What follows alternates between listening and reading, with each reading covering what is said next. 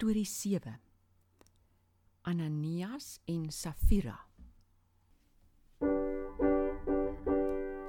Dis storie tyd, kom luister gou, 'n Bybelstorie net vir jou. 'n Storie van ons Jesus Heer, kom luister en kom leer. Kom luister en kom leer. Hallo Tobias, hallo maats. Dis lekker om hier te wees. Tobias, maar hoekom lyk jy so af vandag? Hallo, almal. Ai, tannie Karen, ek is so hartseer oor 'n lelike storie wat ek gehoor het. Wil jy vir ons vertel? Ek voel eintlik te hartseer om daaroor te praat. Maar ek gaan probeer. Ek het gehoor van 'n liewe kind van God dat 'n sonde gedoen het dat hy weggesteek het. Nou het dit uitgekom en nou is mense dat throng lief is so hartseer. En mense dat nie in Jesus glo nie sê nou. Ja, kyk nou net wat doen daai Christen. Oi, Tannie, ek wil songer oi. O, ek wil ook sommer saam met jou huil. Dis nie lekker om sulke goed te hoor nie. Mens voel hartseer en skaam. Maar weet jy dat daar klomp sulke stories in die Bybel ook is? Nee, regtig? Kom ek vertel jou een so hartseer storie wat juis gebeur het toe die splinternuwe gemeente in Jerusalem skaars begin het. Nou is ek nuuskierig. Tobias, die storie gaan oor 'n man en vrou, Ananias en Safira. Dis mooi name.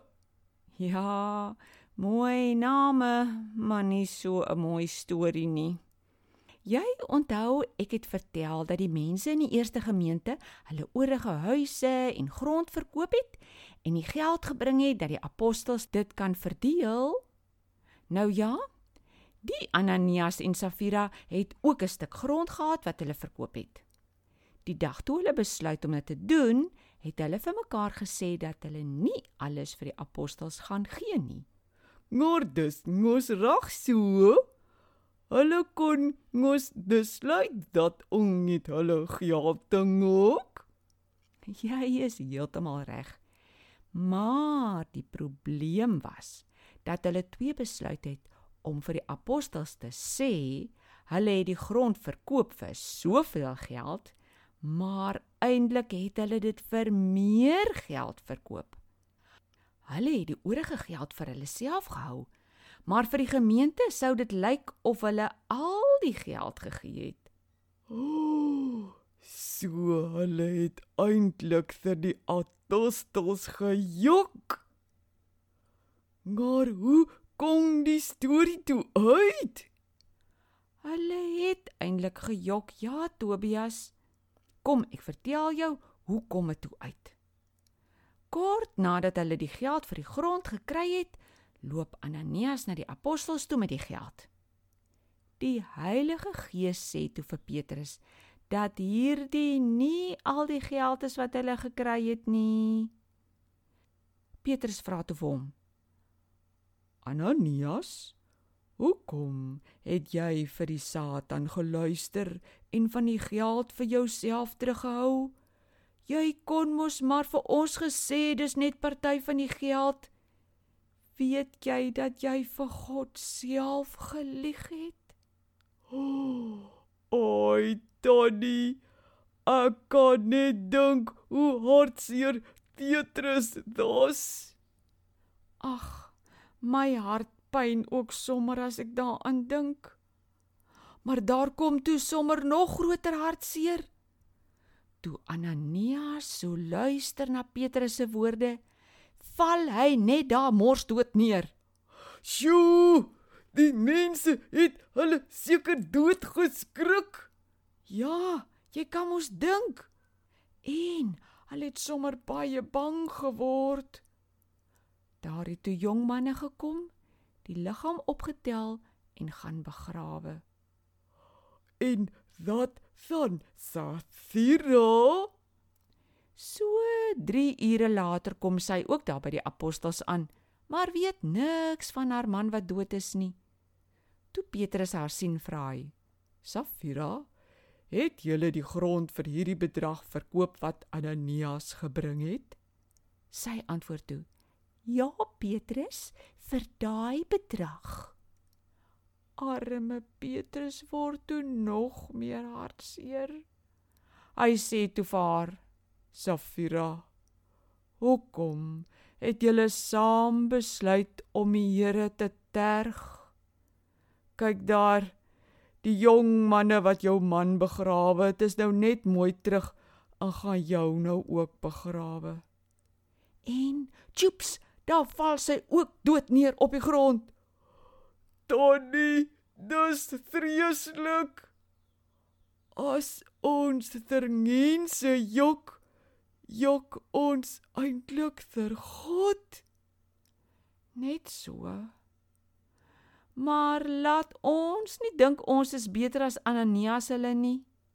Later in die Bybel skryf een van die ander apostels, Paulus: Die wat meen hy staan, moet oppas dat hy nie val nie.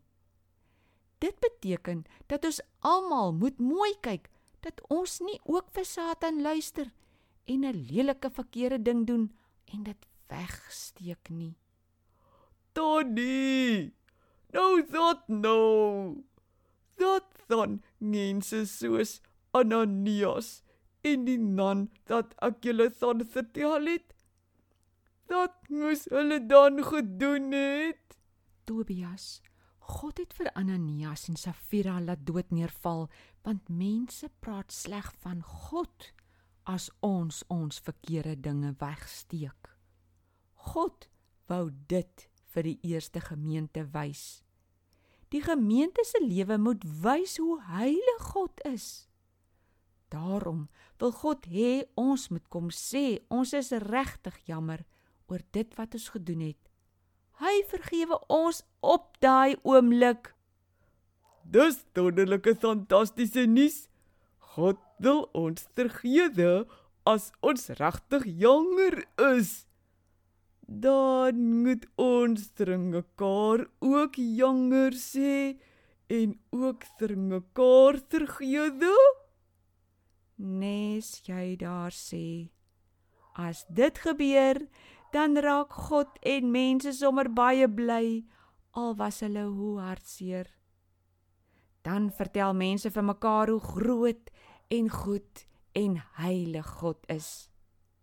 Tobias Kerkmense is nie mense wat nooit verkeerde dinge doen nie. Hulle is wel mense wat vergewe is omdat hulle vir God jammer sê. Dankie Tony vir hierdie goeie nuus.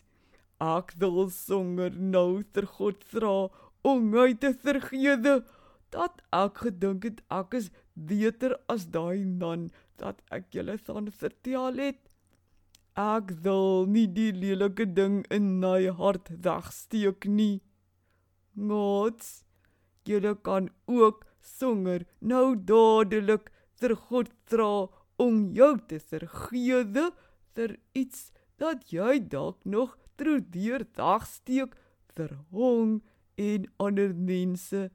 Ai, so vergeede. Dis wonderlike nuus om vandag mee af te sluit. daarmee groet ons tot volgende keer. Ja, wonderlike wonderlike nuus om mee te groet. Totsiens, nots.